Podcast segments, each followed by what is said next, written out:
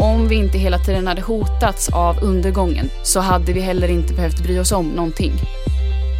Den där vackra, rationella ordningen som är evig, som är evigt bestående. Den behöver man heller inte bry sig om. Du behöver inte vårda den. Därför att någonting som finns för evigt, som aldrig riskerar att slå över i kaos och eh, förstöras. Det behöver du inte bry dig om. Det behöver inte din omsorg.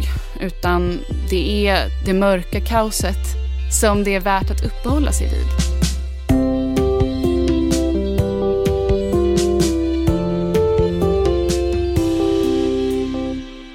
Målet med vetenskap är att förstå hur världen är uppbyggd. Tack vare forskningens framsteg kan vi beskriva allt från universums utveckling till atomernas inre. Och vi kan använda den här kunskapen för att bygga ny teknik som förändrar världen.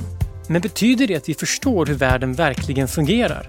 De senaste hundra åren har den moderna fysiken vilat på en grund som till och med fysikerna själva tycker är obegriplig. Är det verkligen en hållbar situation?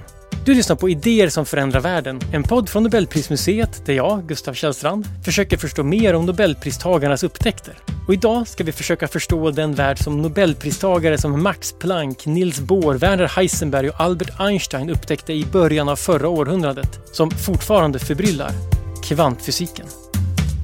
Med mig för att göra det har jag Julia Ravanis, författare till boken Skönheten i kaos, som handlar just om den moderna fysikens världsbild. Välkommen Julia! Tack så mycket! Du är ju teknikhistoriker nu för tiden, men du har studerat fysik. Vad var det som lockade dig till fysiken? Det var väl matematiken på sätt och vis. Att fysiken kändes som liksom en realisering av matematiken. För fysiken är ju i grund och botten en matematisk beskrivning av verkligheten. Sen kan ju den där relationen mellan hur mycket som är matematik och hur mycket som är verklighet har väl förändrats genom historien. Liksom. Men just det där att matematiken som jag alltid hade tyckt var kul i skolan och som jag var bra på också i fysiken fick liksom en verklighetsförankring eh, och en betydelse. Alltså matematiken blev meningsfull tyckte jag i fysiken. Och det var, jag blev lockad liksom av det här att det, det matematiken gör i fysiken är liksom att visa på samband. Att man, det är mönster i naturen som dyker upp och man kan liksom, naturen blir begriplig. Eh, man kan förstå hur det ena hänger ihop med det andra och liksom se ett sånt abstrakt samband mellan olika konkreta delar av livet, liksom, eller av naturen. Men vad var det då som, för nu är du inte då fysiker längre eh, först och främst. Nej. Vad var det som lockade dig bort från fysiken? Alltså egentligen var det väl lite samma sak kan man säga. Det var matematiken som eh, både lockade mig till fysiken och sen fick mig att lämna den. För att jag kände när jag pluggade fysik på Chalmers att eh, det bara blev matematik. Att verkligheten försvann lite. Varenda föreläsning var bara en lång radda ekvationer som skulle härledas i liksom en rasande takt. Och man satt där och kämpade bara för att hänga med varje lika med tecken. Och så fanns det ingen tid, inget utrymme i schemat överhuvudtaget.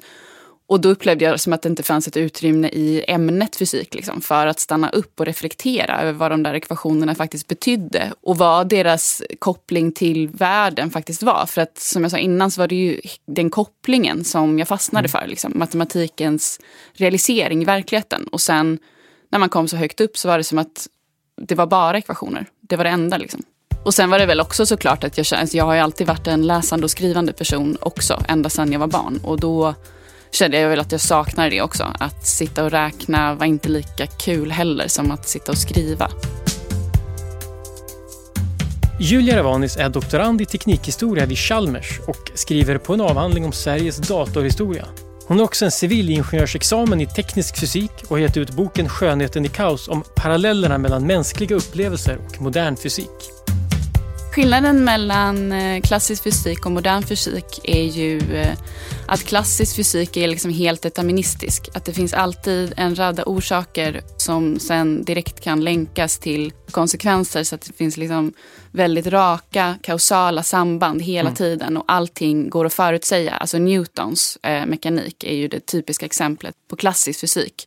Och då är det liksom en uppsättning ekvationer som, alltså till exempel som så visar eh, att kraft, en yttre kraft gör att liksom en massa, ett ting, börjar accelerera, börjar röra sig. Mm. Och med hjälp av den ekvationen kan du sedan räkna ut hela rörelsebanan för objektet i fråga. Och du har liksom en ekvation som styr och sen så har du lite förutsättningar och då kan liksom, då trillar hela världen fram. Framtiden är helt förutsägbar. Just, det är det man kallar för liksom ett urverksuniversum ibland. Att det bara, Precis, att det är som liksom en klocka på. som bara mekaniskt fortsätter och liksom aldrig hakar upp sig då så att mm. säga. Och, och, det är ju väldigt begripligt, det, för det kan man ju se framför sig och det behövs ju inte några tolkningar eller människor i det här utan det, det tickar på där. Det tickar på där. Sen behövs det ju metaforer. Klockan är ju en metafor. Ja, till exempel. Eh, så det behöver man väl alltid. Men det är ju mycket lättare att uh, tänka sig det universumet. Liksom. Att se det framför sig är ju väldigt lätt. Så, mm. Att det är en klocka som tickar. Och då var ändå frid och fröjd. Och sen kommer den moderna fysiken. Då var det inte lika frid och fröjdigt längre. Nej, precis. Och det är kvantfysiken som bryter mot den klassiska fysiken. Mm. Alltså relativitetsteorin är ju egentligen tillhör den klassiska fysiken på det sättet att den är förutsägbar. Att den är också, liksom, sen är relativitetsteorin konstig på andra sätt, men att den ändå är deterministisk. Liksom. Orsaker hänger alltid ihop med verkan. Men kvantfysiken då gjorde inte det och det var liksom ett jättehårt slag. Att, och alla var ju jätteförvirrade, de här fysikerna. Heisenberg och Schrödinger och gänget liksom, i början. För att eh, det verkade som att eh, de allra minsta partiklarna, alltså elektronerna som bygger upp atomerna, liksom, det verkade som att de allra minsta partiklarna inte gick att förutsäga. Deras rörelser hade liksom inte en direkt länk mellan orsak och verkan.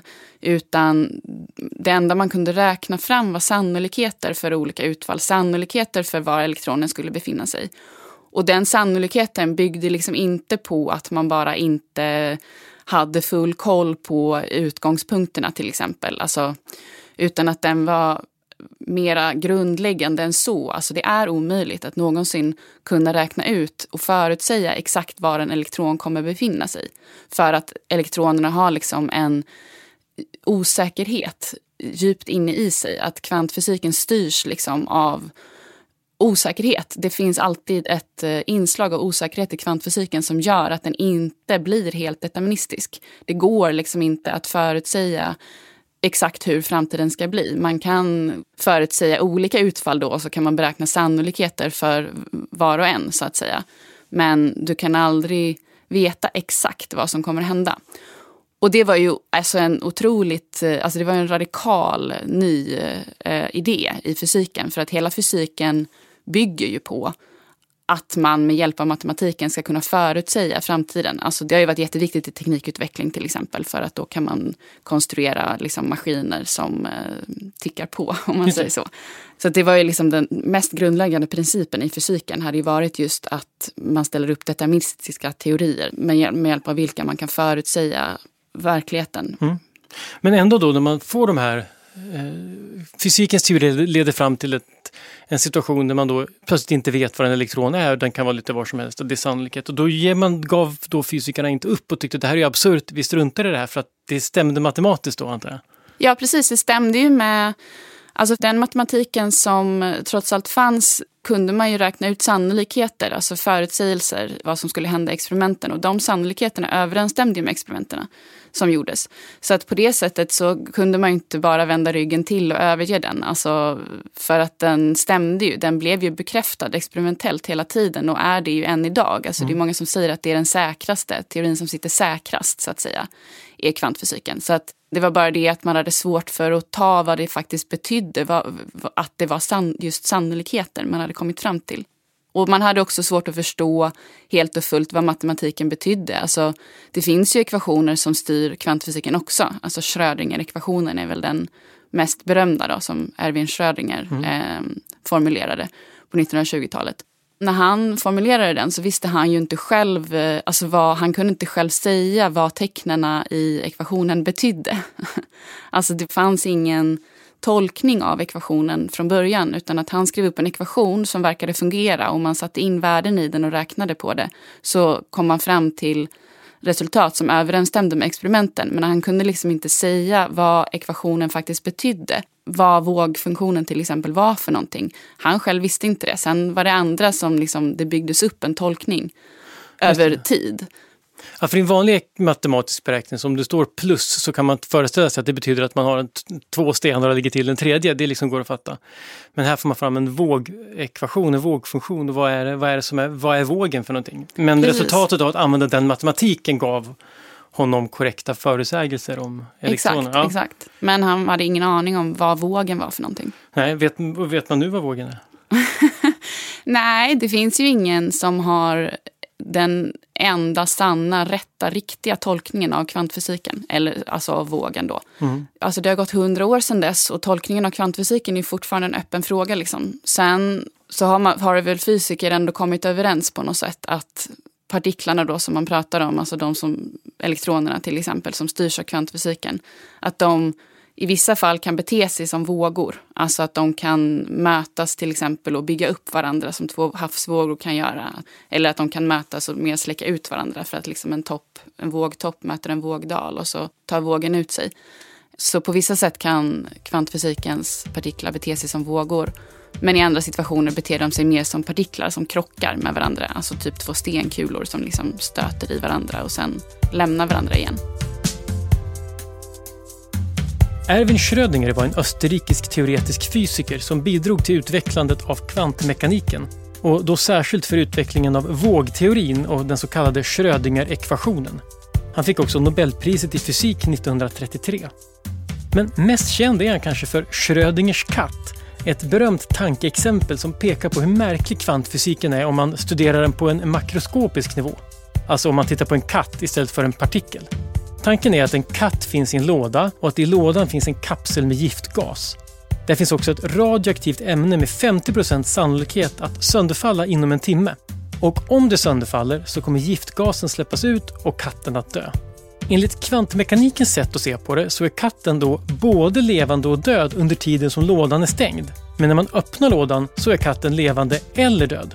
Schrödingers fråga var när det här tillståndet övergår från både och till antingen eller och vad det egentligen är som bestämmer det.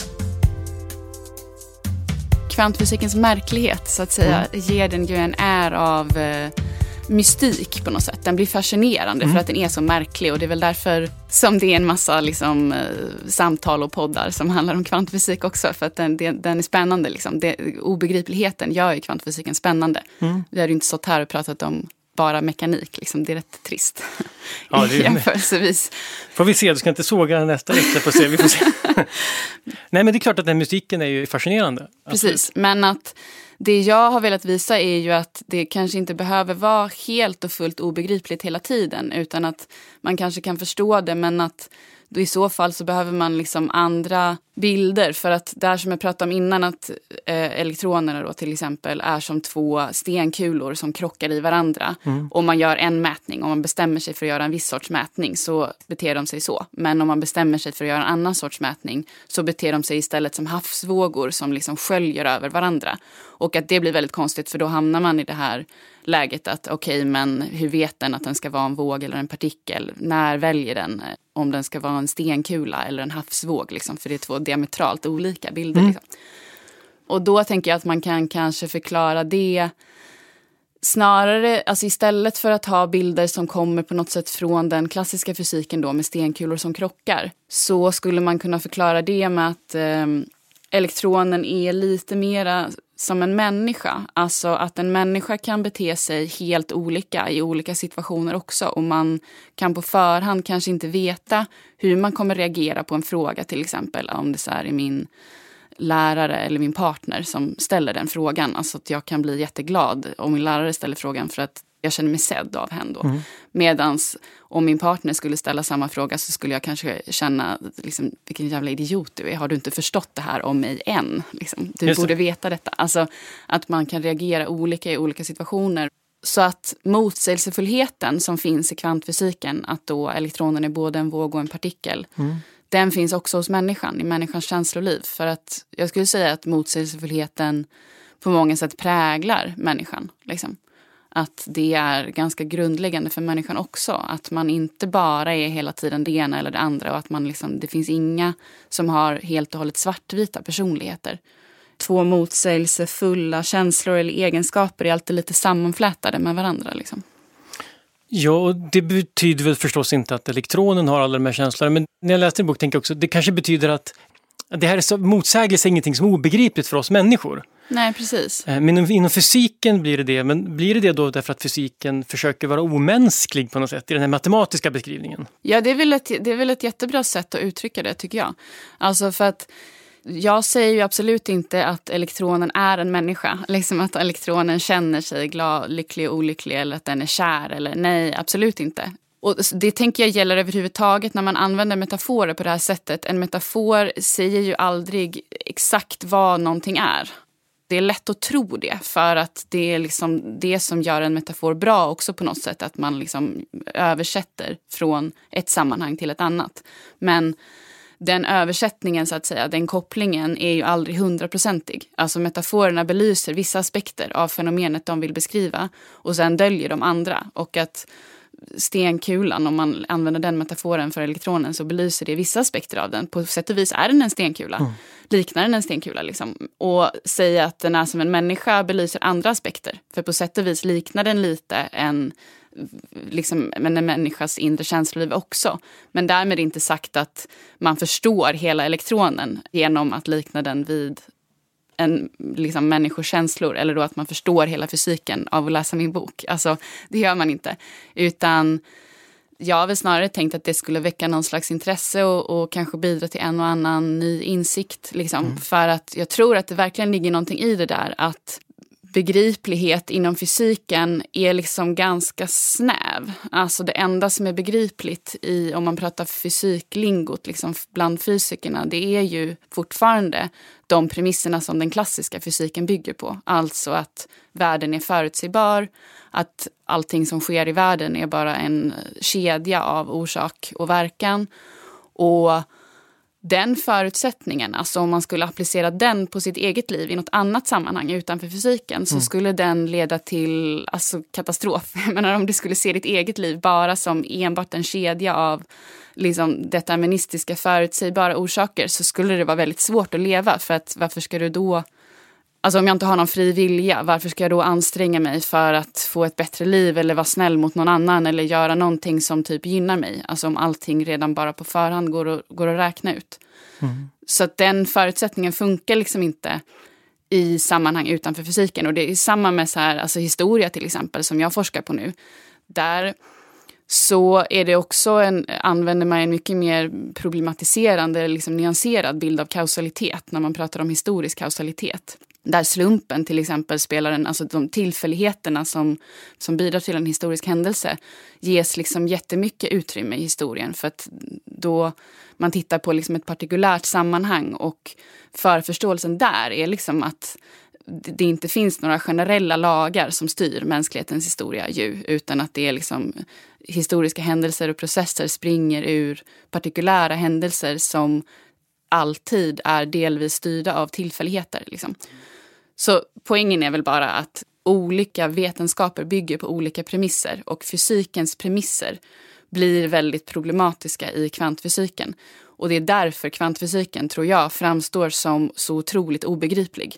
För att en teori som hade de liksom, inneboende elementen av osäkerhet och motsägelsefullhet i en annan disciplin hade framstått som mycket mer begriplig. För att där hade den inte brutit mot de ganska stenhårda premisserna faktiskt som mm. finns i fysik. Alltså jag menar, det är också så att fysik är väldigt uppvärderat. Det sägs vara den mest prestigefyllda utbildningen, till exempel en fysikutbildning och vetenskapernas liksom konung på något sätt. Alltså, och det är ju tack vare den här determinismen, att allting är säkert och klart och givet och det finns rätt eller fel.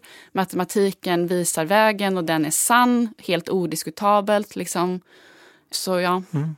Alltså kvantfysiken bjuder in betraktaren liksom, i experimentet och i vetenskapen. För att fysiken tidigare byggde ju mycket på liksom, att en neutral, helt objektiv observatör skulle ställa sig på sätt och vis utanför världen och betrakta den.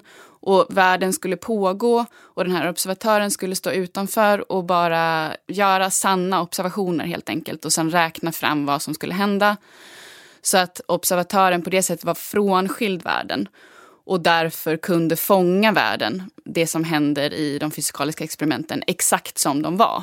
Så att det finns en neutralitet och en objektivitet där som, som liksom var oemotstridlig på något sätt och som då ju också hjälpte till att göra fysiken till så himla uppvärderad. Eh, därför att det är ju så du får fram sanningen om verkligheten genom att göra objektiva mätningar av den. Och då kom kvantfysiken och här är det osäkerhetsprincipen som är eh, det centrala begreppet. Och det den gjorde var att säga att en mätning av, av världen kan aldrig vara helt och hållet neutral eller objektiv. För att i kvantfysiken, när du gör en mätning så påverkar mätningen obevekligt det som ska mätas. Till exempel om du ska göra en mätning för att få reda på var en partikel befinner sig någonstans. Så lyser du med en lampa på den, ungefär du, du tittar på den i ett mikroskop. Liksom. Mm. Och du behöver ljus för att kunna se var den är någonstans. Men det ljuset som du använder för att bestämma dess position, det knuffar på partikeln så att den börjar röra sig och då lämnar den sin position. Så att på det sättet så kan du aldrig nagla fast en elektrons position. För att så fort du försöker göra det så blir själva mätningen någonting som förändrar positionen, som får den att förflytta sig. Och det gäller i alla sammanhang. Så det är helt enkelt omöjligt att så bara ställa sig som en objektiv observatör och bara nagla fast elektronen med blicken och säga där är den. Utan observatören måste liksom in i världen. Mm. Den måste interagera med elektronen för annars kan den inte mäta den. Så att på det viset så försvinner den här bilden av fysiken som står utanför världen och betraktar den och fångar den som den är. För att om fysikern ska kunna säga någonting om kvantfysikens värld överhuvudtaget så måste fysikern in i den världen. Och då kommer världen att påverkas. Så att världen snarare är ett samspel mellan de som mäter och det som mäts. Och det är ju en sån, återigen en sån där ganska radikal omtolkning av vad en mätning är för någonting. Ja, men den bild som målas upp av det som du ser nu, det är ju också att, att fysiken som en verksamhet som är mer tolkande än vad man tänker då kanske Alltså en mätning är väl fortfarande en mätning. Det, det, det ska man väl komma ihåg. att Det är inte som att um, kvantfysiken på det sättet är som historia som Nej. bara handlar om tolkningar. Utan att du har ju ändå en experiment, uh, alltså en uh, mätuppställning och sen så en massa avancerad teknik och så gör du en mätning och så får du ett resultat. Alltså det, så är det ju även i kvantfysiken. Men det är bara det att resultatet är liksom inte helt okontroversiellt. Resultatet som du får leder till diskussioner och du måste tolka resultaten. Du måste mm. tolka allting. Alltså det blir en det är väl kanske så här att det blir mycket svårare att tolka vad som händer i experimentet, vad resultatet betyder, vad ekvationerna betyder. Alltså de, den, de tolkningarna görs alltid i fysik men förut hade de varit så himla lätta. Alltså det hade inte varit någon diskussion, det hade inte varit något pro problem. Alla hade varit överens om vad det betydde när man gjorde en mätning och fick fram ett svar. Eller när man ställde upp en ekvation och sen räknade fram förutsägelser. Alla hade varit överens med, i, när det rörde sig om Newtons mekanik. Men nu när det rörde sig om kvantfysiken så var fysikerna inte överens. Alltså Einstein och Bohr till exempel är ju berömda, Albert mm. Einstein och Niels Bohr, för att ha den här stora bråket eller debatten om kvantfysikens grunder. Så att liksom de stora förgrundsgestalterna inom kvantfysiken tolkade experimenten och ekvationerna helt olika. Och det var också nytt för att i fysiken så hade man, det hade, man hade brukat vara överens. Eh, för att det just inte är en tolkningsvetenskap. Så på det sättet så, och det, så är det ju fortfarande idag, att kvantfysiken ger upphov till stora debatter. Albert Einstein och Niels Bohr är den moderna fysikens stora stjärnor. Båda två var hyllade och banbrytande som forskare, men också intresserade av de filosofiska aspekterna av sin vetenskap. Deras mest berömda diskussioner ägde rum på en konferens i Bryssel 1927 när Einstein hade bestämt sig för att hitta fel med kvantfysiken. För Einstein var det oacceptabelt att verkligheten kunde styras av slump och han menade att det måste fattas någonting i vår förståelse av fysiken. Därför drog han varje dag upp ett nytt tankeexperiment som skulle bevisa en motsägelse inom Bohrs bild av världen och så fick Bohr ägna resten av dagen åt att försöka lösa problemet. Einstein övertygades aldrig om att kvantfysiken korrekt beskrev världen, men han och Bohr fortsatte att vara goda vänner livet ut. Båda förstod att vetenskapen inte går framåt för att alla är överens, utan det behövs personer som vågar ifrågasätta allt.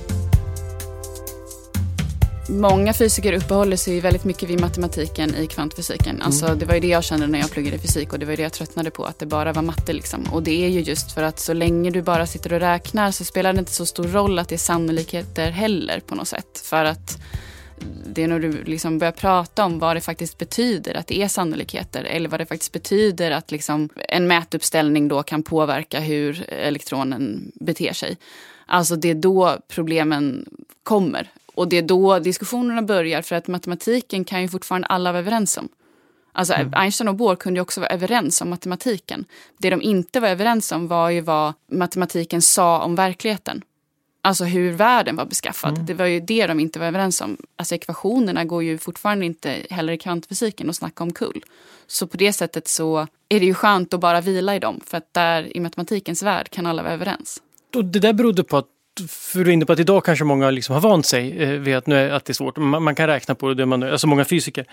Men Einstein och Bohr på den tiden och Heisenberg och andra, de var ju inte de hade ju inte vant sig riktigt än och de alltså inte minst Bohr funderade väl en hel del på vad det, och Einstein, vad det, fys, vad det filosofiska implikationerna kanske av det här var. Det finns någonting som heter Köpenhamnstolkningen. Det var väl hans filosofiska liksom, uppfattning. Går det att sammanfatta den? ja, eh, de hade jättemånga filosofiska diskussioner faktiskt, all, hela det där gänget. Mm. Eh, och Köpenhamnstolkningen var ju en tolkning av kvantfysiken som växte fram då mellan Niels Bohr och Werner Heisenberg i Köpenhamn som ju var Bohrs hemstad. Då. Och den har ju kommit att bli dominerande och är ju det än idag. Eh, även om de har fått lite utmanar, utmaningar kanske på senare tid. Men det den säger är att kvantfysiken kanske egentligen inte beskriver verkligheten. Utan att kvantfysiken, och då menar jag liksom kvantfysiken som ett matematiskt system, att den är ett verktyg, ett beräkningsverktyg för att förutsäga då sannolikheter, för att räkna ut var vi tror att partiklarna kommer att befinna sig i framtiden. Mm. Men att den inte då säger att elektronen är liksom någon slags hybridvariant som är liksom både det ena och det andra samtidigt eller att den är på flera ställen samtidigt. För om, om man skulle tolka kvantfysiken så så skulle kvantfysiken ju beskriva verkligheten. Alltså det ser ut i ekvationerna som att partikeln är på flera ställen samtidigt. Och om kvantfysiken är en verklighetsbeskrivning så är partikeln på flera ställen samtidigt. Men det menar Köpenhamnstolken inte, utan att den menar att vi måste räkna som om partikeln vore på flera ställen samtidigt. Men egentligen kan vi inte veta var partikeln är eller hur den beter sig innan vi mäter. Så att vi räknar bara som om den vore det. Och sen så lämnar vi frågan om var den faktiskt är någonstans därhän. Alltså Köpenhamnstolkningen säger på något sätt också att det är inte lönt att prata om var elektronen är innan en mätning. För att det är ändå bara vid en mätning som vi kommer att få svar, så att säga. Alltså då blir det bara någon slags metafysiska diskussioner som liksom inte har i fysiken att göra. Mm. Det är ju enligt mig då den lite tråkiga delen med kvantfysiken, att den avsäger sig ansvaret för att måla upp en verklighetsbild jag skulle ändå säga att hur de minsta partiklarna, de, liksom materiens minsta byggstenar, hur de beter sig är en liksom essentiell del av naturvetenskapens världsbild. Alltså vad består materien av och hur, vad gäller för liksom, materiens minsta beståndsdelar. Men det Köpenhamnstolkningen säger är ju bara att det är inte vår uppgift att säga. Vi, ska, vi behöver inte prata om det. Utan vi vår uppgift är att använda det här beräkningsverktyget, redskapet mm. som är väldigt effektivt och fungerar. Liksom. Men vår uppgift är inte att beskriva världen utan att med hjälp av matematiken som ett redskap bygga teknik typ och liksom eh... men om man tänker tillbaks på det du var inne på det här med, med, alltså med, en mänsklig metafor på något sätt. Att man kan känna till exempel då kärlek och hat för samma person samtidigt. Så Tänker man vidare på det så bygger det på att det bakom det finns någon typ av känslorelation som är mer komplex än vad en sån jämförelsevis enkel känsla som kärlek eller hat är. Utan att det ryms, så det finns en bakomliggande verklighet. Är det det som är samma sak här? Att om det finns någonting som kan vara en partikel ibland och en våg ibland, vad det egentligen skulle kunna vara mer där finns det kanske något mer spännande då, något mer avancerat än vad det är. Och det, och det, och det menar då Köpenhamnstolkningen, att vi inte kan veta vad det där verkliga som ger upphov till det här är. Nej, precis. Då är det stopp där. Och sen är det väl klart att Jag kan tycka ibland också att, att Köpenhamnstolkningen kan få lite väl, alltså den beskrivs ofta kanske som ganska tråkig och reducerad och det finns ju till och med någon som har översatt den till shut up and calculate. Alltså mm. håll käften och räkna, skit i allt annat. Liksom. Vi behöver inte ens prata om tolkningarna för att de är inte relevanta. Men det tycker jag är att göra Köpenhamnstolkningen en liten oförtjänst faktiskt. För att Nils Bohr till exempel var ju en väldigt filosofisk person. Och han drar lite större växlar som på många sätt påminner Alltså jag har hämtat inspiration från hans resonemang. Hans resonemang handlar ganska mycket om liksom skillnaden mellan verkligheten som är så långt bort att vi aldrig kommer att erfara den. Vi kan inte se elektronerna eller liksom röra dem. Och vardagsspråket som vi använder för att kommunicera och för att förklara vad som händer i de här avancerade labben där vi liksom mäter elektronerna. Så han menar att det finns liksom en ganska stor diskrepans mellan å ena sidan verkligheten som är bortom vår varseblivningsförmåga och sen det språk som vi använder för att förklara alla experiment vi gör i fysiken och allting. För att språket som vi hela tiden använder oss av kommer från vår liksom direkta upplevelse av världen. Och i språket så språket bygger liksom också på logik. En logik som inte överensstämmer särskilt bra med kvantfysiken. Alltså att den där stolen är både här och där samtidigt. Då är det en ganska ologisk mening. Det låter lite som nonsens. Liksom. Mm. Eh, och att det hela tiden är språket vi behöver förhålla oss till. Och i Boers resonemang där så finns ändå någon slags antydan om att verkligheten kanske faktiskt är så konstig som kvantfysiken säger att den är. Men det är bara det att det blir svårt för oss att prata om den. Det blir svårt för oss som fysiker att stå här och säga mm. att verkligheten skulle vara på det sättet att partiklar är på flera ställen samtidigt. För att det blir liksom en ologisk mening och att vi som människor behöver liksom ändå ha typ en logisk förklaring. För att det är så vårt språk ser ut och för att det är så vi liksom upplever världen. Alltså vi, vi, vi behöver en, en, logisk förklaring och det kommer inte kvantfysiken kunna ge oss och därför så blir det svårt att prata om den. Fast, fast det är inte det också då att det är olika, vad ska man säga, språkspel på samma gång. Att för att just för fysiken så är det svårt att prata om att saker är både och. Inom eh, psykologin är det ju inte svårt. Att som sagt, man kan känna två känslor samtidigt. Det är inte alls komplicerat. Nej, det är ju ett ganska kort steg från liksom Bohrs resonemang om mm. språket och ja, sen till att byta ut det vetenskapliga språket då, mot ett annat språk, alltså ett mer poetiskt språk. I, i litteraturen och i konsten överhuvudtaget så är ju språket ganska ofta motsägelsefullt. Mm. Och det kan vara vackert, alltså det kan vara en fördel att det är det. Att språket inte är sådär strikt och torrt utan att det finns någonting poetiskt över att saker kan befinna sig på två ställen samtidigt. Liksom.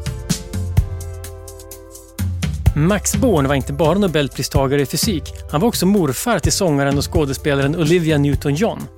Hon föddes i England dit Born och hans familj flydde undan nazisterna på 30-talet. Born fick Nobelpriset för kvantmekaniken, alltså metoden att använda kvantfysik för att beräkna hur energi och partiklar interagerar med krafter på väldigt små skalor. En viktig skillnad mellan kvantmekanik och klassisk mekanik är att den är statistisk. Alltså att man inte kan beräkna hur varje enskild partikel rör sig, utan man räknar på sannolikheten av vad som kommer hända med flera partiklar i en grupp. Matematiken för det här utvecklades av Heisenberg och Schrödinger, men Born spelade stor roll för hur man satte ihop det till en fungerande metod och det var också han som hittade på namnet kvantmekanik. När du skriver så, så det är en sån, om det är metafor är rätt ord, men som jag fastnade för som jag tyckte var så fin, det var när du beskriver det här med vågfunktionens kollaps i termer av att hitta en partner. Mm. Kan inte beskriva, ge den bilden, jag tyckte den var så fin. Jo, eh, Nej, vi har ju pratat om det här att elektronen kan befinna sig på flera ställen samtidigt. Och matematiskt så beskrivs det av vågfunktionen som är då ett uttryck, ett matematiskt uttryck med en massa olika positioner kan man säga. Alltså det är liksom en, summa av, vågfunktionen beskriver liksom att en elektron har är en summa av en massa olika platser samtidigt. Den är där och där och där och där. Ehm, och sen när man väl tittar efter var elektronen befinner sig så hittar man den ju på ett ställe. Vilket gör då att den här långa summan av olika plat möjliga platser som elektronen skulle kunna befinna sig på, som vågfunktionen uttrycker, kollapsar till bara ett enda. Kvar blir bara en enda term i den där summan, ett enda värde, en enda position för elektronen. Och det är ingen som ännu riktigt förstår eller kan liksom stringent beskriva processen som gör att vågfunktionen kollapsar. Alltså vi vet inte riktigt varför det är så att den först beskriver ett oändligt som det kan vara antal mm. möjliga platser som elektroner kan befinna sig på och sen plötsligt att det bara blir en enda och att det då är slumpmässigt vilken det blir. Det finns sannolikheter för alla möjliga olika men sen är det ändå slumpen som styr exakt vilken det blir i ett enskilt fall. Och det tycker jag då liknar den här känslan som man kan ha när man dejtar. Att eh, det finns ett oändligt antal möjliga partners som man skulle kunna bli kär i. Du vet, man kan sitta på dejter då så kan man tänka sig, liksom fantisera framtiden med den här personen. Bara så här, om vi blir tillsammans, om vi flyttar ihop och skaffar barn och gör allt och sen du vet. Och... Det behöver inte vara på en dejt, det kan vara på bussen liksom, på väg till jobbet. Så ja. kan man bara plocka ut personer på... Eller hur? Ja. Eller hur? Ja. Så då kan man liksom uppleva att man går runt i liksom att det finns de här, ett oändligt antal möjliga personer och man vet liksom inte på förhand vilken det kommer bli. Men sen, när man väl faller för någon, när man väl blir kär, antingen i den där personen på bussen eller någon man har gått på en Tinder-dejt med eller vem det nu än är, så är det en oförklarlig känsla av att plötsligt så har alla de där möjliga människorna liksom kollapsat och kvar finns bara en enda. Och jag kan inte förklara varför det blir exakt den här personen.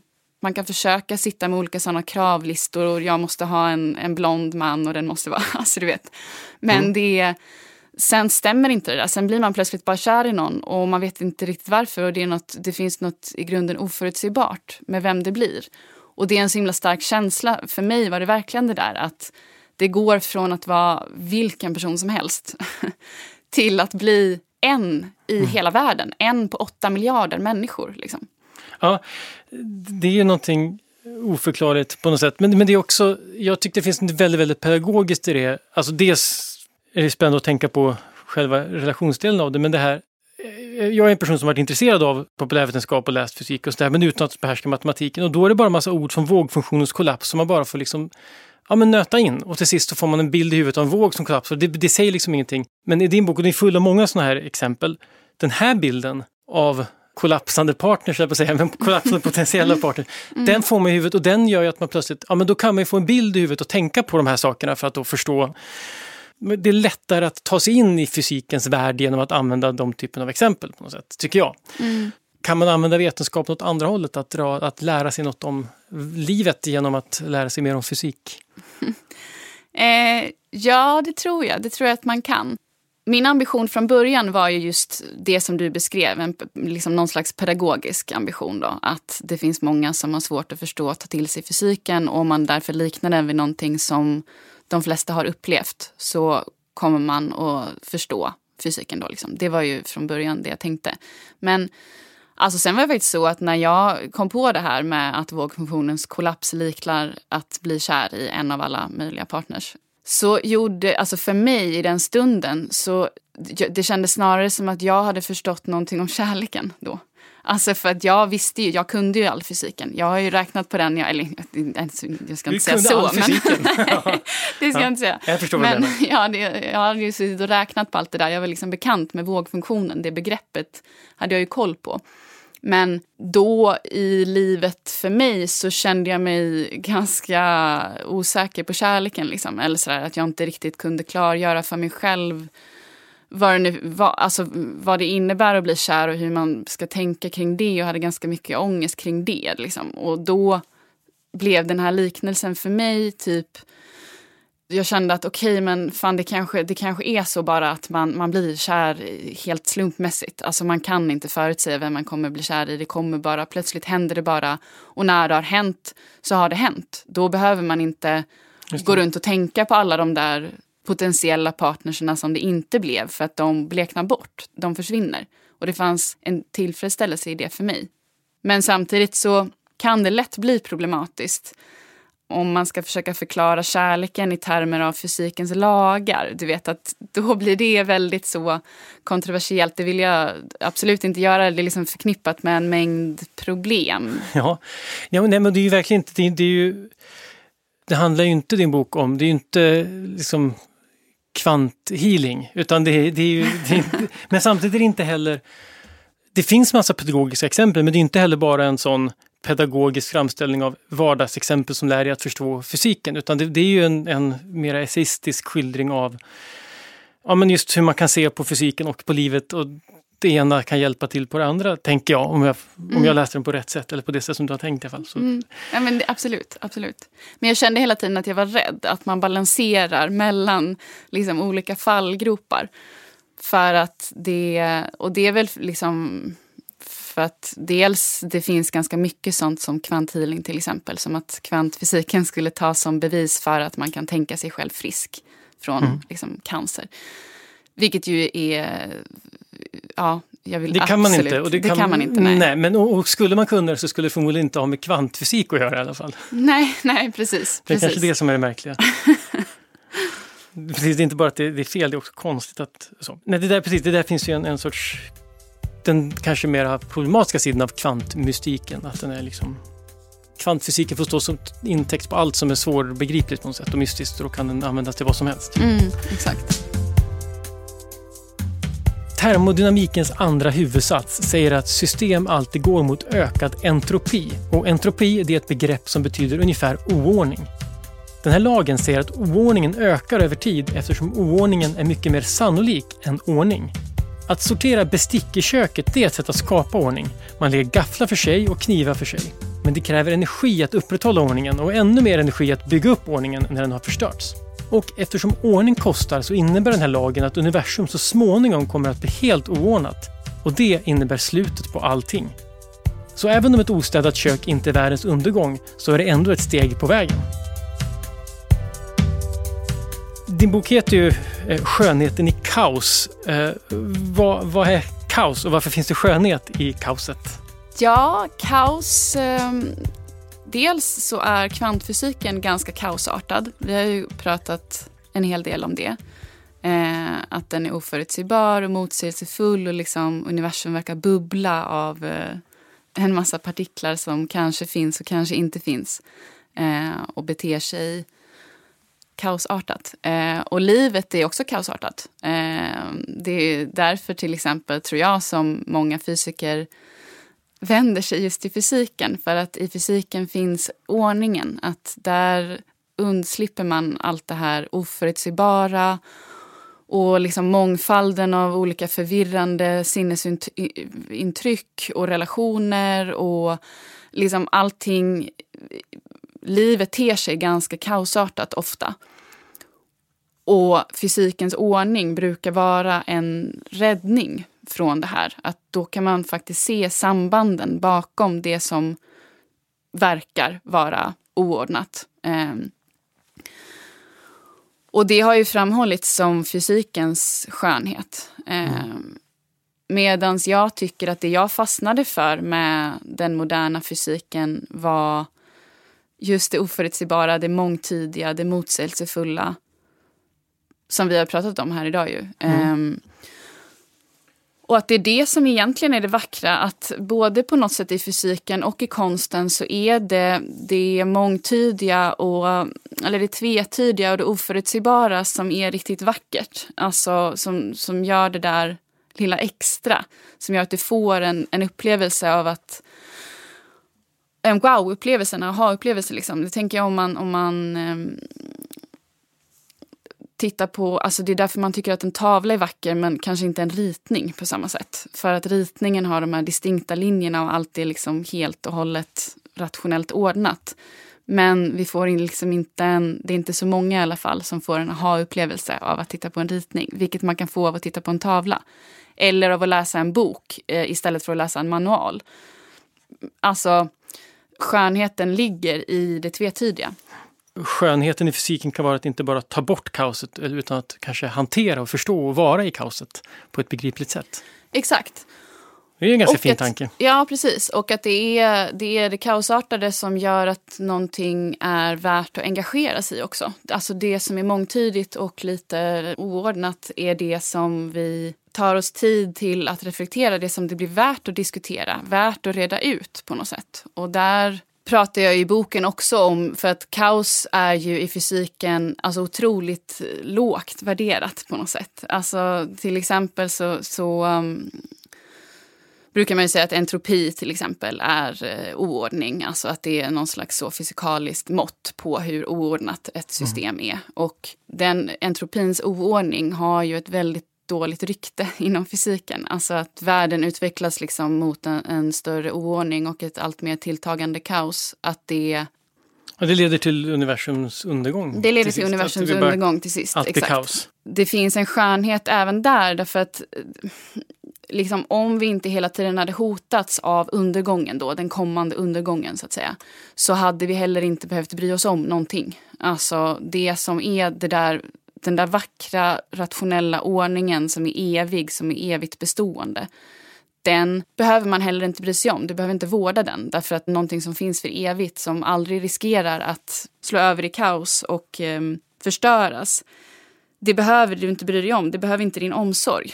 Utan det är det som riskerar att förgås av förgänglighet som vi måste bry oss om och som vi kan älska överhuvudtaget. För att det skulle kunna försvinna. Och det tänker jag är liksom lite likt det här att det oordnade och det oförutsägbara och mångtydiga är det som vi tar oss tid för att diskutera. Alltså att det är på något sätt det, det mörka kaoset, om man säger så, som det är värt att uppehålla sig vid. Att stå och prata om, att vårda, att reflektera över, att bry sig om. Ja, det är väl precis det som det här med fysiken säger då, att det krävs energi för att skapa ordning i kaoset på något sätt. Och det man lägger energi på är det man, som är värt att lägga energi på, får man hoppas. Ja, precis. Då har vi ändå kommit till meningen med livet och universums slut på något sätt.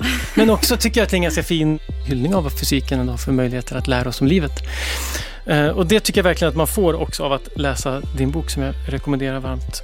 Tack så mycket Julia för att du kom och berättade om den och om fysiken och om meningen ja. med tillvaron. Ja. Tack för att jag fick komma.